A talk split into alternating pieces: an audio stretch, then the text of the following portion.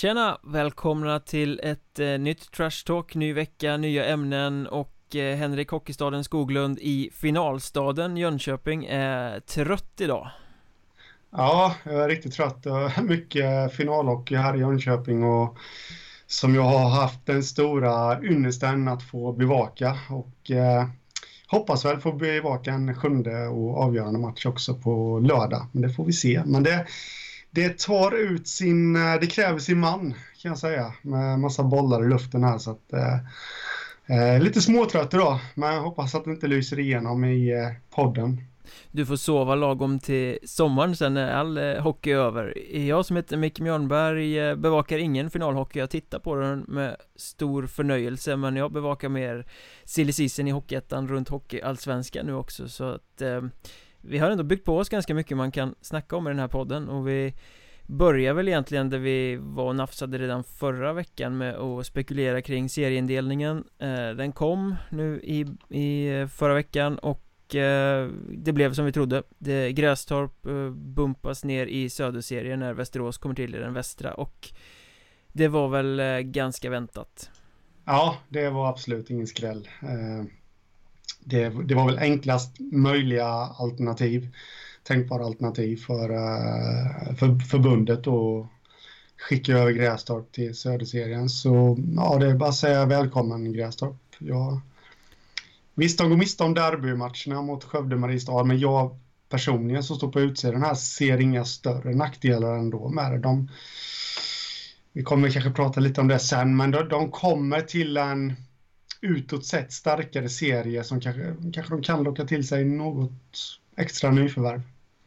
Mm, det beror, tittar man bara på det rent krast så Troja försvinner till Allsvenskan, Grästorp kommer till eh, Gör ju att serien försvagas ganska betänkligt på pappret. Men jag är inte helt säker på att det behöver bli så För det ju, har ju liksom historien visat. Panten försvann, Västervik försvann, Tingsryd har försvunnit Lag går upp från den här serien hela tiden och varje gång ett lag går upp så är det något annat lag som kliver fram och blir eh, ett nytt vasst topplag liksom. Så att jag tror vi kommer få se någon annan som tar på sig den där eh, ledartröjan nu när Troja är borta. Och att Grästorp är ju inget bottenlag det är mer ett mittenlag nu med sin nya råg i ryggen och, och liksom framgångarna de ändå hade i vintras som de kan bygga vidare på.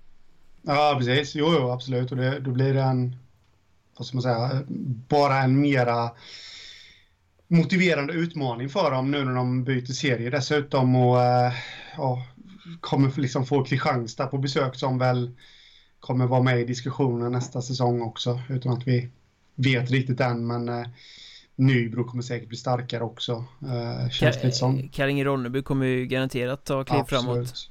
Absolut. Så det är på något sätt så vill jag nog ändå säga grattis till Grästorp och jag har ändå pratat lite med folk runt omkring i andra klubbar och sådär i västserien eh, senaste veckan och liksom det, det, tycks ju lite som att det är rätt skönt att Grästorp skickas till Södra för att det är en jobbig bortamatch att åka till. Så det var någon som uttryckte sig att jag blir inte direkt ledsen att de försvinner från serien. Eh, Vilket ju kanske är en komplimang till Grästorp då Även om de mm. inte har gjort så stort väsen av sig med framskjutna placeringar.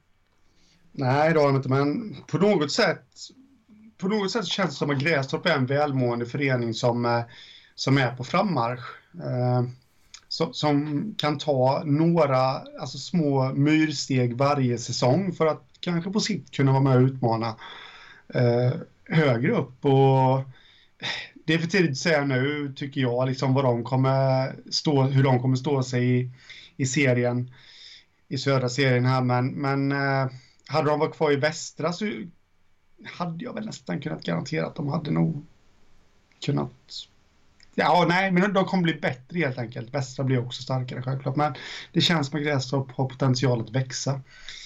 Absolut.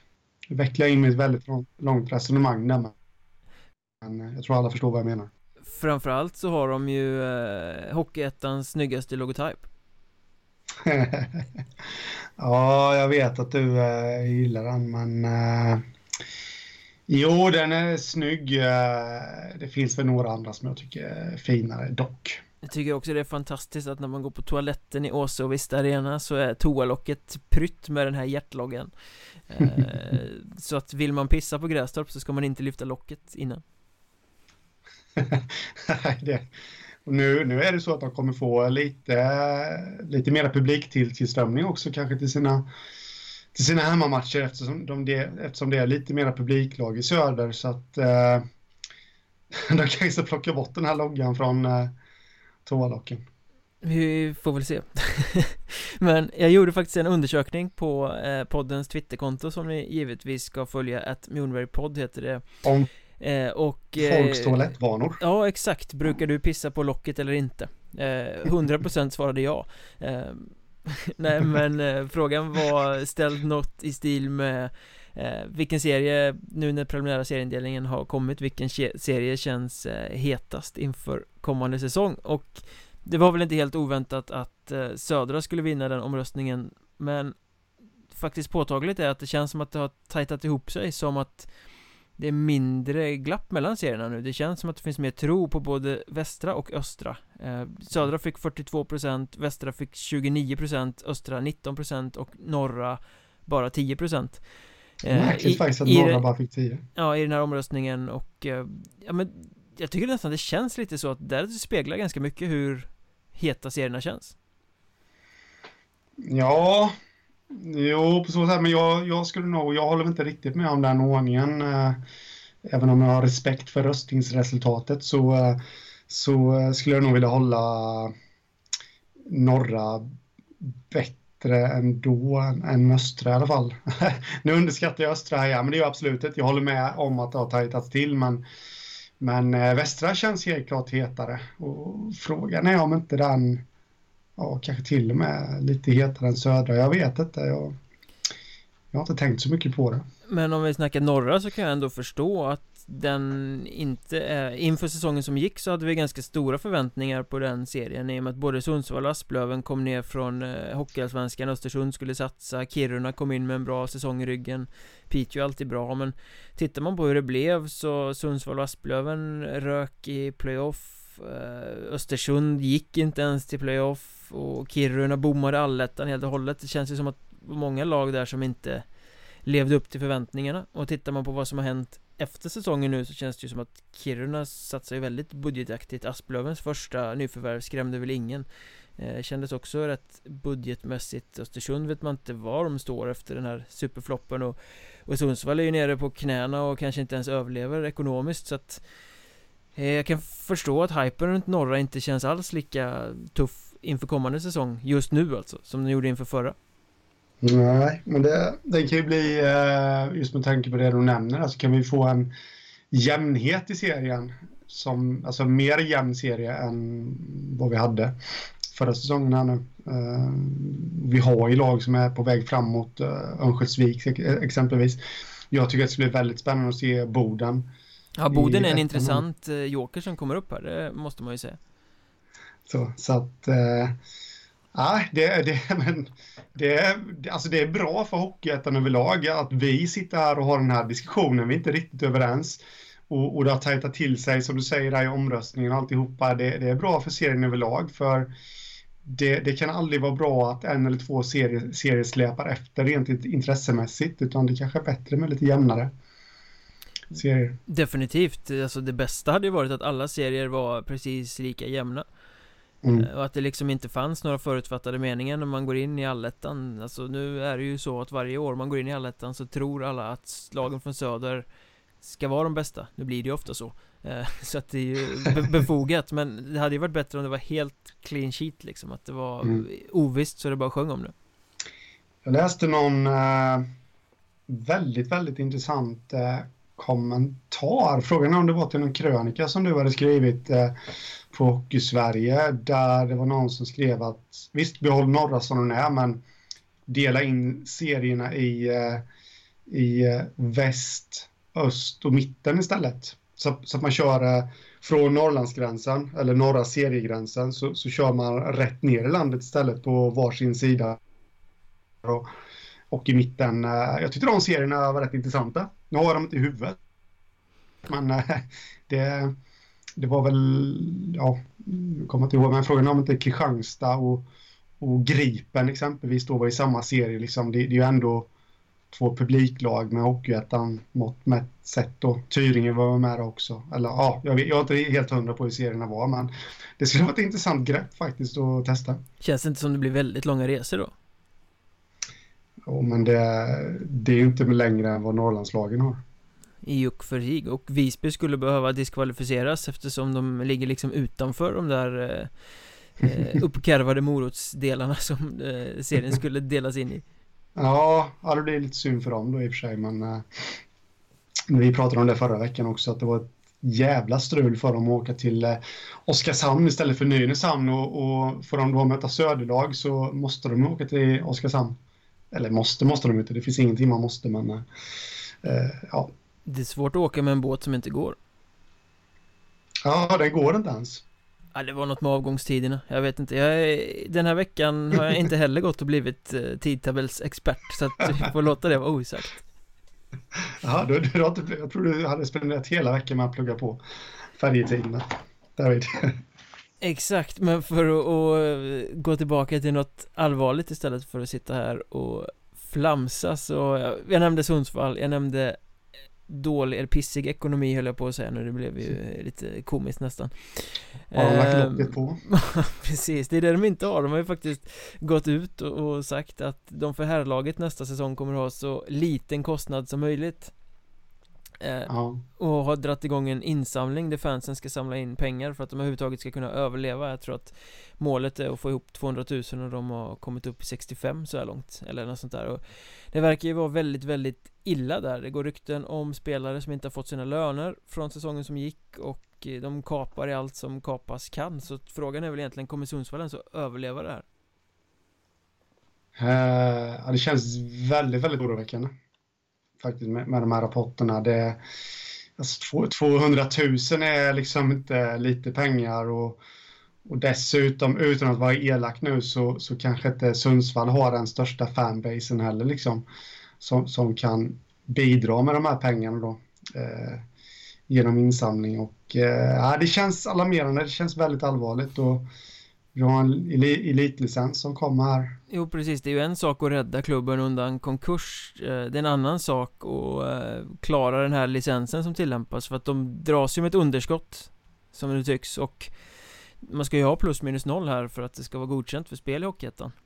Mm. Eh, och som du säger, det är inget publiklag direkt.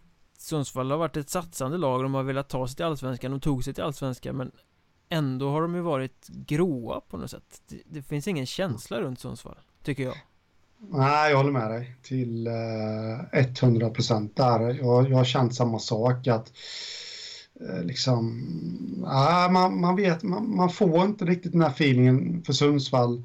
Även de åren de har satsat eh, när de legat i ettan. Man får inte samma känsla som man har fått för eh, Södertälje och, och för liksom eh, Troja nu. Och, ja, för väldigt många år sedan, AIK, Vita Hästen och, och Örebro. Liksom. Det, man, man har aldrig fått den känslan med Sundsvall, vilket är synd, men jag vet inte vad det är som...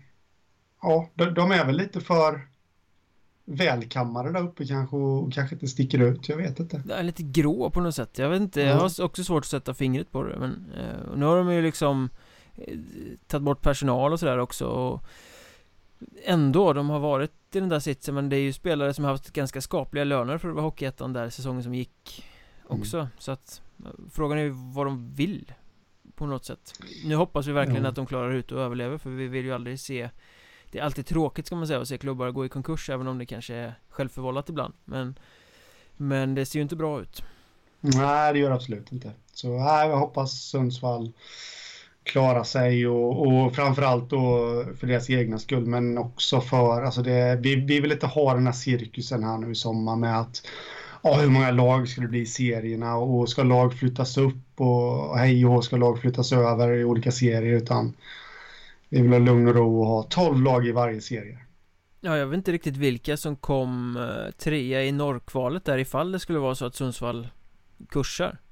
Eh, var det Brunflo då eller var det något annat som tog sig in före dem och Det känns inte som det finns några norrlag som om de får ett besked i juli kan ställa om och vara Hockeyettan redo till eh, Alltså september Det är ju, Nej. det är inte fair liksom, då riskerar de sin verksamhet Ja, precis. Nej, men så är det absolut. Och precis som du säger så Brunflo som kom trea i norr där eh, har ju, alltså de, visst, de låg i ettan i år, men de har väl, hoppas jag, liksom rättat mun efter matsäck här nu för, för ett kommande division 2-äventyr. Och då, det blir ju svårt för dem också att ställa om så att säga då. Och då är ju trolig, det troliga att ifall de skulle gå omkull här i Sundsvall så blir det 11 lag i norrserien och då får vi samma problem som i söderserien i år. Så haltande mm. tabell, hur ska man spela fortsättningsserien? Eh, mm. Vi hoppas att vi slipper det, för det finns ju inte på kartan att flytta upp något annat lag. Nej, nej inte om beskedet kommer för sent. Alltså nu, nu går vi händelserna väldigt, väldigt långt i förväg här, det kan vi säga. Uh, men uh, uh, nej, det beskedet, alltså vi jag hoppas ju Sundsvall reder ut det, men skulle de inte göra det så hoppas man ju att det beskedet kommer så snart som möjligt då, så att seriemakarna får en chans att kunna rädda serierna för alla andra lag. Jo, men jag menar, det, då blir det ju från norrkvalet, för jag tror att tidigare mm. har det varit så att Hudiksvall har sagt att nej, som är ju det lag som ligger närmast eh, att flyttas till norr, och de har sagt att nej, vi vill inte spela i norrserien. Och de andra i norrserien har sagt att nej, vi vill inte ha Hudiksvall i serien, för det blir för långa resor, och det har de ju tagit hänsyn till tidigare. Ja, precis. Så jag tror att om inget lag från norrkvalet vill kliva upp så tror jag inte att de flyttar på Hudiksvall och lyfter upp från någon annan kvalgrupp heller. Nej, men det här kan bli Mjölbys stora chans faktiskt. Eh, jag drar mig till minnes så här att eh, i Jönköping för väldigt, väldigt, väldigt många år sedan så fanns det en klubb som hette FC Jönköping som Ja, på något sätt. De, de, var sista laget i hela division 3 att eh, bomma i kvalet upp till eh, division 2. Men så blev det en vakans i den norra serien där Umeå FC låg då. Eh, och eh, Jönköping fick faktiskt frågan och tackade ja. Så de spelade en säsong i division 2 norra. och eh, ja, med nu... Jag minns inte allting jätteklart här, men jag vill väl tro, om jag minns helt rätt, så, så blev det lite ekonomiska bekymmer efter den säsongen. Helt klart. De fick ju flyga, om inte jag minns fel, till bortamatcherna. Jag skulle väldigt gärna vilja höra det samtalet till Mjölbys kansli. Hej, vill ni spela i den norra Hockeyettan säsongen som kommer? Dra åt helvete! Nej, men det, det kanske skulle kunna bli något sånt. Nej, jag vet inte. Nej, det, det är klart, det, det kanske de skulle ta. Inte en chans, inte en chans i världen. Nej. Apropå ta och inte ta så eh, kommer ju Västerås inte att ha två sportchefer eh, kommande säsong eh, Känns väl ganska klokt i eh, Hockeyettan och inte sitta med två svindyra sportchefsposter Men de satt i valet och kvalet här, ska de behålla Andreas Appelgren eller skulle de behålla Patrik Zetterberg? Och till slut så följde det på att det är Andreas Appelgren som blir utköpt på något sätt och Patrik Zetterberg tar över rollen som ensam sportchef i Västerås för att bygga upp laget till Hockeyettan. Vad, vad tycker du om, om det valet som de gör? Eh, ja, vad tycker jag om det? Alltså rent ekonomiskt så är det väl sunt.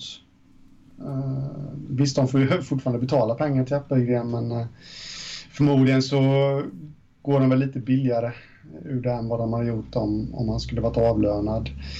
Eh, samtidigt så har han, det känns ju spontant som att han har lite större koll på ettan än vad Zetterberg har. Men Zetterberg har ju varit ungdomsansvarig, sportchef på ungdomssidan i Västerås eh, under väldigt många säsonger och eh, det känns väl, det kanske är en signal att det är ungdomarna de ska satsa på nu. Ja, på något sätt så verkar det ju som att det är ekonomiska aspekter i första hand som ligger bakom det här eh, Att mm. de har tagit den lösningen som de på sikt känner kan bli billigare.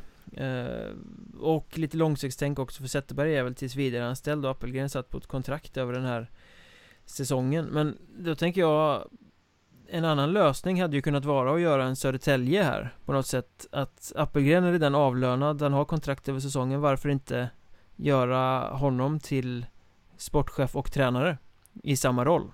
Eh, I Hockeyettan går ju det på ett lite annat sätt än vad det gör, gör i, i Hockeyallsvenskan.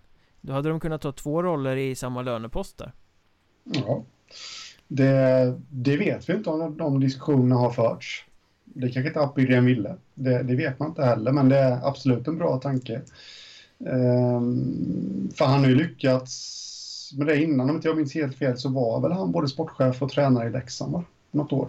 Det vet jag bra. faktiskt inte riktigt. Uh, ja, jag, jag, kan minnas fel där, men uh, och i sådana fall ber jag om ursäkt till alla Leksandsfans som lyssnar på den här podden, men uh, det är, för sig, det är för sig inte så, så konstigt om han har fel om Leksand för de har väl haft lika många sportchefer som en ICA-affär har kunder per dag ungefär. Ja. Kommer och går så att säga. Ja, metafor. Eh, jo, men så är det. Men eh, jag har nästan för mig att de körde den lösningen med honom något år när, när de gick upp. Jag kommer inte ihåg när det var, vilken av gångerna. Men eh, nog om Leksand nu. Eh, och återigen till Västerås. Eh, jag vet inte, jag har faktiskt svårt att sätta fingret lite på vad jag tycker om, om den här lösningen ändå. Eh, jag känner ju... Så jag frågar, ja, vad ja, tycker du? Jag, jag, känner ju som, eh, som du säger där att min spontana känsla är ju att Appelgren har mycket, mycket bättre koll både på spelarna i Hockeyettan med tanke på sin bakgrund och sin ganska täta koppling till Mariestad eh, och mer koll på vad som krävs eh, liksom det är nytt för hela Västerås att komma ner och spela här egentligen. Mm. han, han vet ändå vad, vad det handlar om, hur serien är. Så att på det sättet så hade det ju kunnat vara bättre med honom då. Sen lyckades han väl inte särskilt bra som sportchef i år i Västerås och han blev ju överkörd av styrelsen där när de bytte tränare i kvalserien mm. eh, gjordes ju över hans huvud och det underminerar ju hans ställning lite också På något sätt ja, absolut. Eh, absolut. Så att det kanske började redan där att det är han som får lämna nu eh, Zetterberg ja, Jag kan inte honom särskilt väl men han är ju Väl införstådd i föreningen så att På något sätt så förstår jag ändå att det är med plånboken de tänker i första hand För det är väl det de måste göra i den. De måste ju verkligen skala bort hela kostymen och sätta på sig en ny mycket trängre Ekonomisk kostym. Ja. Å, andra sidan så om de här lönesiffrorna som cirkulerar stämmer så kommer ju Västerås ha Hockeyettans bäst avlönade sportchef. Jag menar 45 papp i månaden eller vad det har skrivits att han har Ehm, i en serie där många sportansvariga gör det här i stort sett ideellt vid sidan av heltidsarbeten så är det ju ganska tufft att kliva in med en sportchef som har 45 papp i månaden. Mm, ja, precis. Ehm, jag fastnade lite vid tanken där om, om Zetterberg skulle kunna vara ett alternativ som tränare också. Jag vet inte, han, han har inte, eh, jag vet, jag vet faktiskt inte om han har coachat någonting. Jag, jag vet att han har varit ansvarig för ungdomsverksamheten, men jag vet inte om han coachar där i, i Västerås. Kanske han, kanske han har gjort på något sätt, men eh, eh, jag vet, det, som sagt, det, det är ju lite väl mycket pengar kanske för en sportchef. I alla fall i Hockeyettan.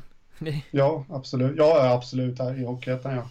Eh, det hade varit för lite pengar i SHL eh, med tanke på det jobb som de lägger ner där, men, eh, men, men man får jobba rätt hårt i ettan också. Eh, det jag tänker på det är att Zetterberg har ju, om, om man nu bortser från det ekonomiska, så som jag var inne på det innan, att eh, han har ju ett förflutet inom ungdomssektionen, han känner till ungdomarna. Dessutom är han från Västerås, har verkat länge i föreningen, han har koll på klubbarna runt omkring, bra kontakt, eh, känner förmodligen väldigt många spelare som, som vi satt förra veckan och sa att de skulle plocka tillbaka. Eh, på det sättet så kan det ju vara väldigt, väldigt bra med honom. Och där känns det ju som att de måste ha eh, lite fingertoppskänsla för om man lyssnar runt så låter det ju som att många av de här spelarna har kanske inte lämnat Västerås med liksom på jättefint sätt De har känt att de inte har fått chansen och liksom blivit lite utskuffade av föreningen Nu har de förvisso bytt väldigt många i ledande positioner här så det är inte samma människor men ändå eh, mm. Det måste nog gnuggas och fjäskas lite för att kunna få tillbaka dem kanske. Ja, precis. Komma en korg, en korg gurka och bjuda på. Ja, från gurkstaden där. Men äh, nej, då, äh, är, det, är, är det, det salt eller ättiksgurka som gäller? Uh, ja, det vet inte jag faktiskt. Jag, jag, kan inte svara på det. Men, för, för jag menar, skickar du en, en korg med saltgurka till någon så kan du ju glömma att få en eh, påskrift för det är ju skitäckligt. Men kommer det ättiksgurka däremot så kanske man till och med kan gå ner i lön för att det är så jävla gott. Nej, jag är precis tvärtom där. Gillar du saltgurka? Ja, jag är mer saltgurka. Jag gillar i och för sig bägge, men äh, saltgurka skulle väl hålla snäppet vassare än ättiksgurka. Alltså finns det någon större besvikelse eller när man har gjort en sån här riktigt mustig macka och lagt på massa gurka, man har tagit upp burken och bara tror att det ska vara fantastiskt och så visar det sig att man har tagit fel och det är saltgurka och man bara biter och uh, Ja, uh, jag vet inte vad jag ska svara på det. det, det nu tappade vi bort oss från ämnet här, nu fastnade vi i saltgurka. Du har dålig uh, förståelse för mina triviala problem. jag har det helt enkelt. Uh, jag är faktiskt en mästare på att göra pressgurka för övrigt. Och det, det innehåller ju ättika. Så jag säger emot mig själv lite här nu. Det, det är den godaste gurkan, hemmagjord gurka. Det är lite din grej, säga emot dig själv kanske. Mm. Ja, det är det. Hur många burkar saltgurka får man för 45 papp i månaden? det får man nog rätt mycket faktiskt. Det kan jag säga, jag vet inte vad de kostar. 20-25 spänn kanske, för en burk. På ICA. Det var veckans reklam där. Uh, men åter till ämnet. Var var vi någonstans? Jo, det handlar väl alltid om det där med att fjäska lite när man ska värva spelare. Alltså så är det ju. Det, eh, så det, det, blir väl inget annorlunda nu jämfört med vad, vad man får göra varje säsong liksom. Eh, det är många klubbar som har i ett skede dissat spelare eh, för att senare plocka tillbaka dem. Så jag tror inte att det blir någon. Jag tror att klubbmärket väger lite, lite tyngre.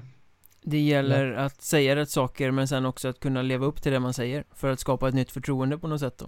Så är det, så är det ju absolut. Alltså det, det farligaste Västerås kan göra nu i det här läget är ju att lova guld i gröna skogar och gå ut och lova liksom att eh, ja, men du kommer bli en allsvensk spelare ifall du så funkar det inte. Men liksom var, var noga och ärliga med rollerna liksom att presterar du det här och det här så kommer du få en en uh, första kedjesroll liksom som första center eller spela i toppbackparet eller du får mycket istid i powerplay. Och sen då kunna hålla det ifall spelaren presterar liksom. Men uh, de har ett diget jobb framför sig i Västerås. Minst sagt, det är väldigt mycket som ska falla på plats där Men ja, har de en sportchef som drar lasset så har de i alla fall kommit en liten bit på vägen Absolut, det känns ändå lite som att startskottet gick för Västerås truppbygge här då, eh, till kommande säsong. I och med att sportchefsrollen är på plats.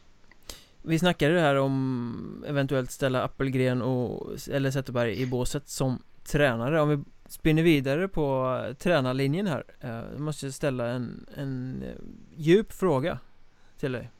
Mm. Har du någon gång funderat på om Thomas Sandlin och Anders Spak är samma person? Nej, det har jag faktiskt inte gjort, men jag, jag antar att du har gjort det.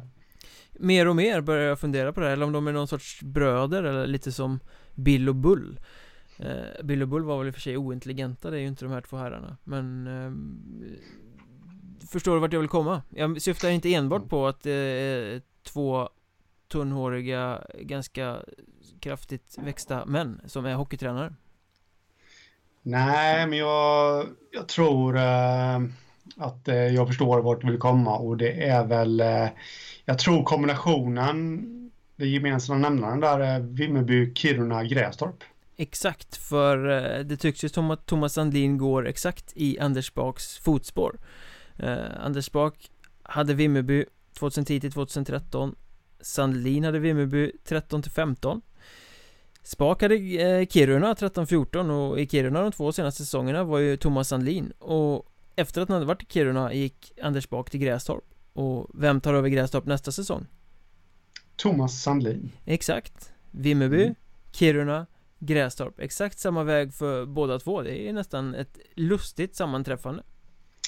Ja, väldigt faktiskt. Det är... Ja, det, det... man skulle egentligen vilja ha med dem som gäster här i podden och så uh, Sandlin får förklara sig lite där faktiskt Ja det, det, alltså De kanske är lika i sitt hockeytänk, det vet inte jag riktigt Men jag menar Spak är ju den festliga glädjespridaren och Sandlin är den lugna och trygge, harmoniska ledaren På något sätt känns det som.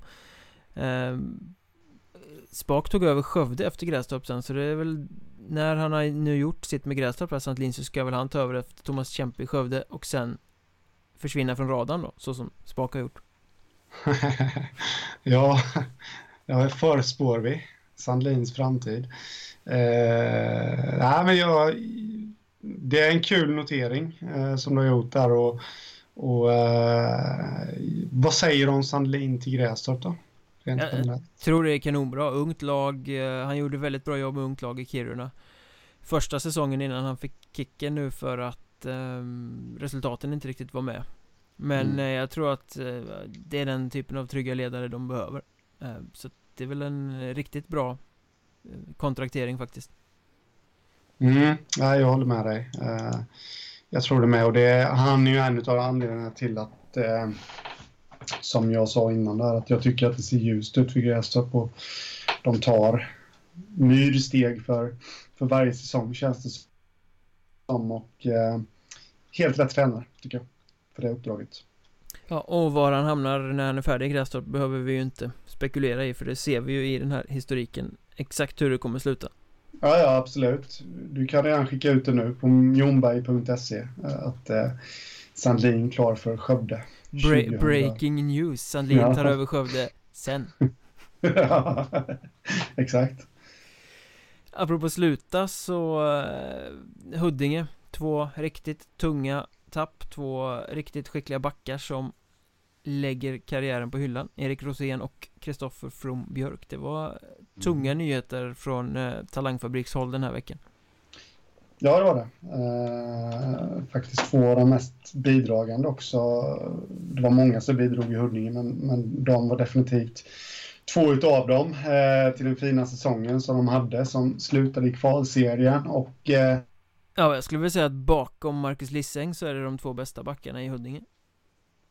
Mm, absolut. Eh, och eh, jag vet inte, här skulle man ju då vilja säga för att tycka någonting så att säga att eh, ja, det ska bli svårt att se hur Huddinge kan hämta sig från det här. Men det, de kallas ju inte för talangfabriken utav intet liksom. Det, det känns som, ja, det, de, de kommer väl förmodligen kunna ersätta dem ändå. Ja, Nästa säsong. Det är ju så, Huddinge är ju alltid bra på något sätt ja, ja. Det är som jag har sagt någon gång tidigare att de kan gå ut på gatan utanför Björkängshallen där och peka på någon och säga Hörru, kom in och spela och så kommer han bli bra Bara han drar på sig Huddinge-tröjan ja. Det är ju någonting där liksom Ja eh, Nej men liksom eh, Ändå om man nu Alltså Rosén Över 300 matcher i Hockeyettan och, och kval liksom Det skojar man inte bort och eh, Likadant med, med From Björk eh, Björk Björk heter han, eh, som, som heter, har spelat eh, runt 200 matcher och 150 matcher i allsvenskan tror jag också. Va? Eh, det är klart att den rutinen kommer bli jävligt svår att ersätta. Det spelar ingen roll hur mycket eh, talang du än kommer få upp nästa säsong så kommer den bli svår. Men, men som sagt, med vis av erfarenheten när det gäller Huddinge så är jag svårt att, jag svårt att säga vad det kommer att påverka resultatmässigt ändå. Mm, ja men offensivt är de ju alltid bra och det är ju egentligen backlinjerna där de behöver förstärka som mest eh, Bli lite tyngre, bli lite stabilare kanske eh, Så nu får de ut och jaga mängder med backar känner jag Om, om de vill ta ett steg till mot det de presterade i år mm. Ja, då blir det ju, då får de ju nästan Ja, då får de ju kolla mot allsvenskan till på något sätt känns det som. Jag har svårt att se någon back i Hockeyettan som och rent rutinmässigt och skicklighetsmässigt skulle kunna fylla de här skorna, eller skridskorna, som de här backarna lämnar efter sig. Så, men Huddinge, plantskolan, de har skickat ut många spelare i landet. Så det är väl klart, jag vet inte, kanske finns någon lite äldre herre nu som känner att han är mätt på allsvenskan och flyttar hem igen. Eller så får Sanne Lindström göra comeback. Får det bli Sanny Lindström-podden helt och hållet? Ja, absolut. Uh, nej, men uh, tungt tapp för Huddinge. Apropå det här med tunga tapp förresten att uh, poängkungen Andreas Gröndahl lämnar Visby måste väl också uh, betraktas som ett skapligt tungt tapp? Ja, absolut. Eh, det, det, måste jag verkligen säga. Eh, ja, eller vad säger du? ja, ja, det, det är ju på något sätt så var det ju någonting som väntade på att hända Han har varit på Gotland i många säsonger pluggat Om jag har förstått saken rätt och nu ska han jobba vidare som ekonom då i, i Stockholm Väljer den civila karriären och det är ju så lite med Spelare som börjar komma upp över 25 i Hockeyettan Inser att kanske man är grymt bra men man kan inte tjäna särskilt stora pengar på det. Maxnivån kanske ligger någonstans i ett gnugga i Allsvenskan där det inte heller blir jättestora pengar. Um, Och då blir det ganska naturligt att man börjar liksom rota sig någonstans. Man ligger där i åldersspannet där man måste skaffa sig ett ordentligt jobb och eh, Om man inte vill stå på ett lager hela livet liksom. Och då blir det ganska enkelt, det är lite Hockeyettans dilemma att man förlorar väldigt, väldigt bra spelare när de kommer upp lite i åren eh, När de satsar på civila karriären Trots att de har många bra eh, hockeysäsonger kvar i sig. Mm, Absolut. Så är det tyvärr eh, Den problematiken kommer vi nog aldrig komma ifrån. Eh, vi, vi som står på utsidan och, och kollar och njuter av de här spelarna för att eh, eh, de pengarna kommer aldrig komma in i Hockeyettan, i alla fall inte inom överskådlig framtid. Så jag, jag förstår ju spelarna till punkt och pricka liksom, så är det ju. Det är ett bra jobb eller familjen tar ju överhanden där efter, ja, när man fyller 25-30 liksom. Så, eh, ja. Jo men precis för att jag menar att kriga i Hockeyettan det kräver ju ungefär lika mycket insats vad gäller träning och resa och sådär som eh, om du skulle spela i Hockeyallsvenskan. Eh, och du måste mm. gnugga, alltså vill du leva på en anständig nivå ekonomiskt så måste du gnugga heltidsjobb vid sidan av din hockey, oftast.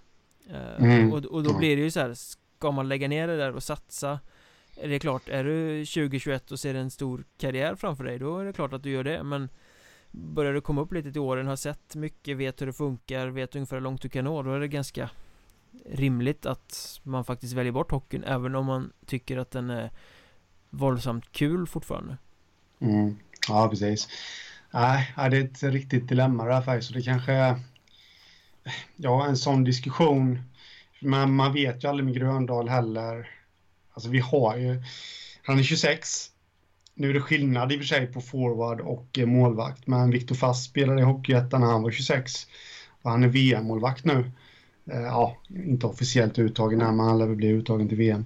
Eh, så alltså det är aldrig för sent heller, men jag förstår ju spelarna och det kanske är ett, ännu ett skäl till att kanske, kanske, kanske spetsa till Hockeyettan med antalet lag då.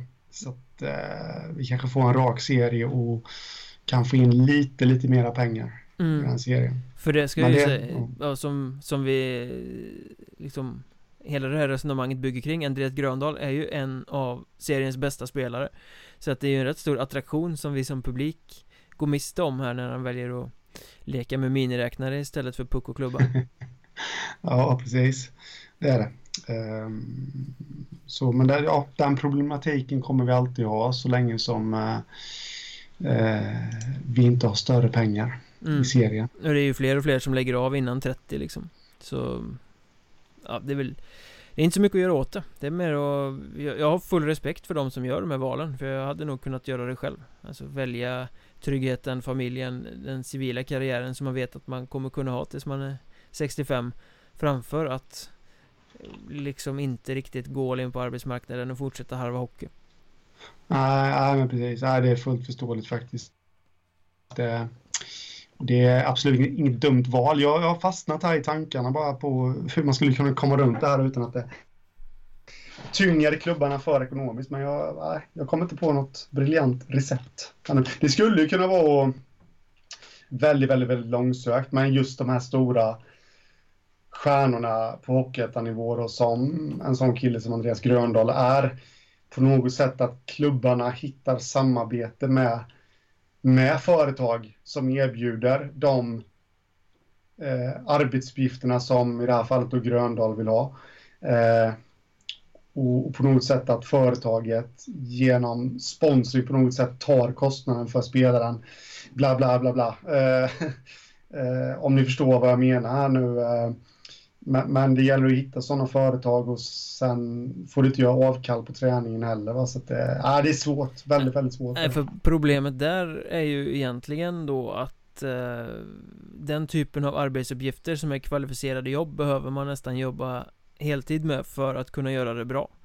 Mm. Eh, den där typen av lösningar finns ju där sponsorer ger jobb till spelare och eh, ser mellan fingrarna med att de kanske inte är på jobbet alltid och att de kan jobba halvdagar för att de ska få bättre träningstider och sådär Men det mm. handlar ju oftast om att sitta och skriva, skruva in någon mutter i något hål eller vara på något lager eller någonting som inte är jättekrävande Vara i skolan mm. Eh, det är ju krävande på sitt sätt jätteviktigt men som elevassistent eller någonting liksom riktigt kvalificerade yrken som har krävt lång utbildning och sånt Där måste du ju mm.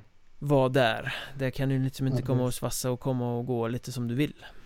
Nej precis, men jag måste faktiskt fråga dig här. Hur, hur skruvar man i en mutter i ett hål? Jag är varken snickare eller särskilt händig så jag vet inte. Nej, jag, jag hakar upp mig lite på det där eh, faktiskt, men eh, ja, du gör det mycket, mycket bättre som journalist än hantverkare då, så kan man säga. Jag kan ju förklara mig med att jag nog, om jag tänker efter riktigt, riktigt, riktigt mycket förstår att man ska skruva muttern på skruven som man har satt i hålet. Ja, precis. men, men det krävdes väldigt mycket tankeverksamhet för att komma dit. Tummen sitter mer än mitt i handen kan vi säga. ja, det känns som att det är ett journalistiskt dilemma lite, faktiskt. Ja, vi är inte bra på mycket, men lite. Ja, exakt. Lite som eh, Magnus Ram eller på att säga, det var ju inte så vänligt sagt. Eh, Han gjorde mycket i Tyringe förra säsongen. Eh, Om vi ska ha en liten krystad övergång. Och nu gick ryktena höga veckan och helgen som gick Kring den eh, rubrikmakare. Mm, att eh, ryktena gick att han skulle vara klar för Vimmerby Någonting som han inte heller förnekade i en intervju med eh, eh ja, den, någon av de lokala tidningarna där. Eh, ja, Vimmerby Tidning eller Dagens Vimmerby. Eh, ja. Jag tror båda var ute med uppgiften om att han skulle vara klar för Vimmerby. Mm. Eh, och han, eh, men sen gick han ju ut på, på Twitter och dementerade kraftigt efter ett tag att han skulle träna Vimmerby nästa säsong. Mm. Ja, det gjorde han. Det var lite märkligt faktiskt, för det, det kändes som att han hade spelat med lite där ett tag på Twitter och, och allt det där. Och, i den här tidningsintervjun, men sen eh, dementerade han det. Så ja, oklart om det ens var någonting eller om det ens har, alltså, har runnit ut i sanden eller så, eller, eller hur det blir. Jag, man vet ingenting faktiskt. det finns två alternativ här, eh, skulle jag vilja påstå om jag får spekulera lite. Och det är att antingen så var det ett rykte som bara uppstod, fick fart och som han njöt av att spela med. Eh, och ge kryptiska svar till de som frågade. Uh, tyckte det var roligt för att sen komma med sin dementi Eller så var det på gång men någonting sket sig på mållinjen Och uh, det blev inget. Mm, ja, Det är väl typ de två alternativen jag skulle tro att något av dem är. Det Mitt förstahandstips var ju att eh, För Vimmerby, de glömde vi bort att nämna innan där när vi pratade om när vi sa grattis i Grästorp att de hamnade i eh, Söderserien. Men Vimmerby känns ju också som ett sånt här satsande lag och eh, då är ju tränarfrågan absolut jätteintressant. Eh, Och mitt förstahandstips där och det tror jag att ditt var också, det var att Vimmerby skulle göra allt för att försöka behålla Erik Karlsson. Mm, tränaren som kom in här nu och tog över efter Jeff Hellegard. Eh, men vad det verkar så erbjöd de bara honom en assisterande roll. Vilket jag... De vet väl bäst såklart, men, men det kändes ju som att han kunde klara av den rollen han hade liksom menar du, 2000. Menar du på riktigt att du säger de vet nog bäst om sportansvariga i Hockeyettan? Eh, jag tycker de visar om och om igen oavsett vilken klubb vi pratar om att det gör de inte. Nej, men jag vet, jag läste någonting om att Daniel Stolt hade varit ute och sagt att eh, det var, vi tyckte att det var bäst på hans mognad. Eller i mognad men, men i den, eh, inte mognad sa han inte, men i den fasen av sin tränargärning som han befinner sig nu. Eh, har jag för mig att han sa, och, eller något liknande. Och eh, där känner inte jag att jag håller med riktigt. Eh, och det gjorde inte Erik Karlsson heller uppenbarligen. Eh, för jag känner nog att han har varit mogen för att ta över mm. huvudtränaransvaret på fulltid i Vimmerby. Absolut. Definitivt. Alltså han visade ju i vintras hur bra det funkar. Om man lyssnar på spelarna så har de uttalat sig om hur imponerade de var av hans ledarskap eh, Jag hade gärna sett honom fortsätta som en headcoach Ja, jag menar Jeff... Kanske med någon mer rutinerad backup då i så fall, som assisterande mm. Ja, ja, absolut. Eh, jag menar Jeff Hellegard var ju ute och sa när han eh, hade fått lämna Vimmerby, jag tror det var samma dag, så sa han att Erik Karlsson är den bästa assisterande tränare jag någonsin haft. Jag menar då, då är det en kille som har fått sparken precis som, som säger det och det, menar då, då menar man det verkligen. Uh, och, nej, det känns som att han, sen är det skillnad på att vara assisterande och huvudtränare självklart, men det känns som att han besitter väldigt, väldigt mycket hockeyskills, den här unge killen och uh, bor och Vetlanda är ju bara att gratulera. Ja, men då skulle jag säga att Hockeyettan är ju en mycket bättre utvecklingsplattform än Division 2 Ja, Där absolut. det är raggarhockey deluxe liksom, så att jag hade mycket hellre sett honom stå som huvudtränare i Vimmerby Men som, Ja. som du säger, han, Ja, vill, men- han ville väl inte vara assisterande bakom en icke namngiven ny huvudtränare Nej, precis. Vem tar över då?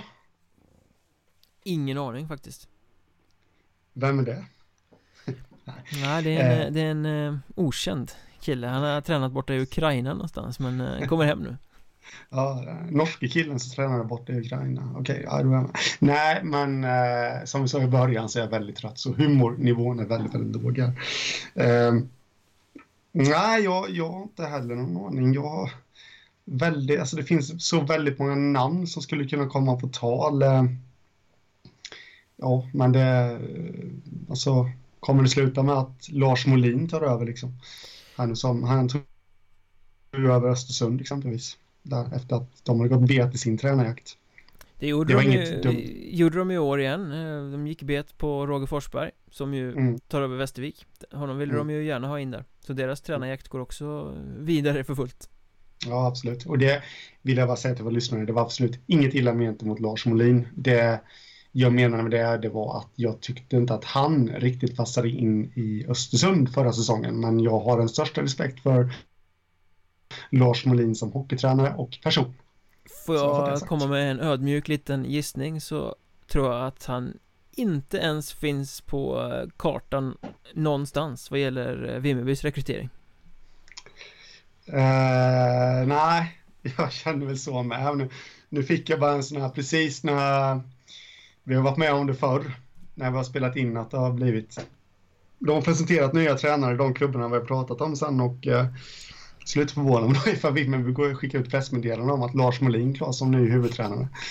Nej, men, men, eh, Det skulle det här vara den bästa podden någonsin känner jag Så klockrent, så klockrent eh, förutspått Ja, absolut. Eh, nej, nej, alltså det, det är helt, alltså det finns ju en del namn som man som man skulle kunna se liksom. Dels då Magnus Ram som jag själv har trott har varit- ett hett alternativ för Vimmerby.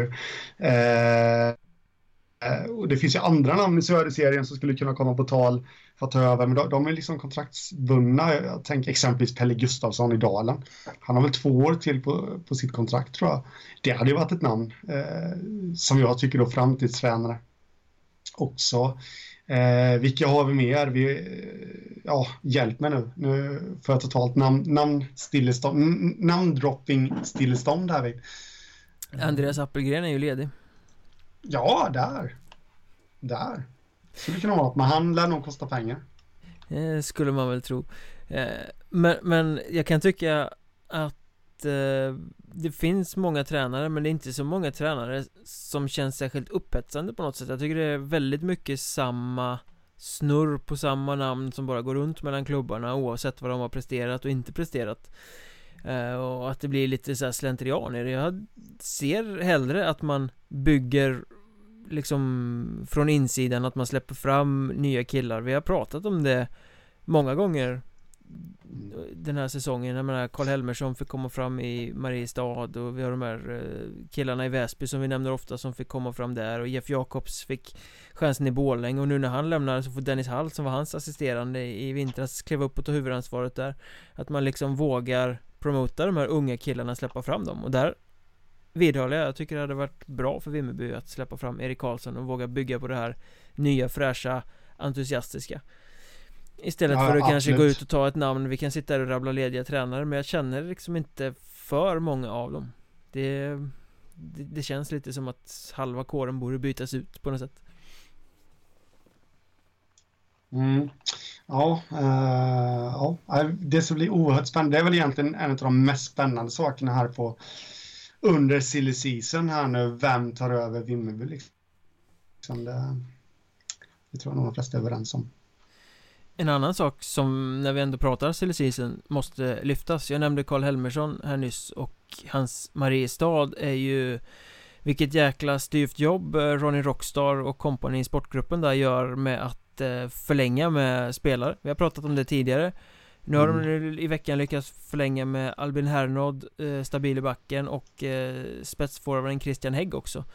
De lyckas verkligen skriva nya kontrakt med kärnan med många av de här spelarna som har varit med och byggt upp Mariestad till. Så starka som de ändå är. Och jag skulle faktiskt inte bli förvånad om såna här killar som Tobias Björklund och Oskar Norlöf även om de givetvis drömmer hockeyallsvenska drömmar varje natt nu eh, så skulle inte jag bli förvånad om de blir kvar också.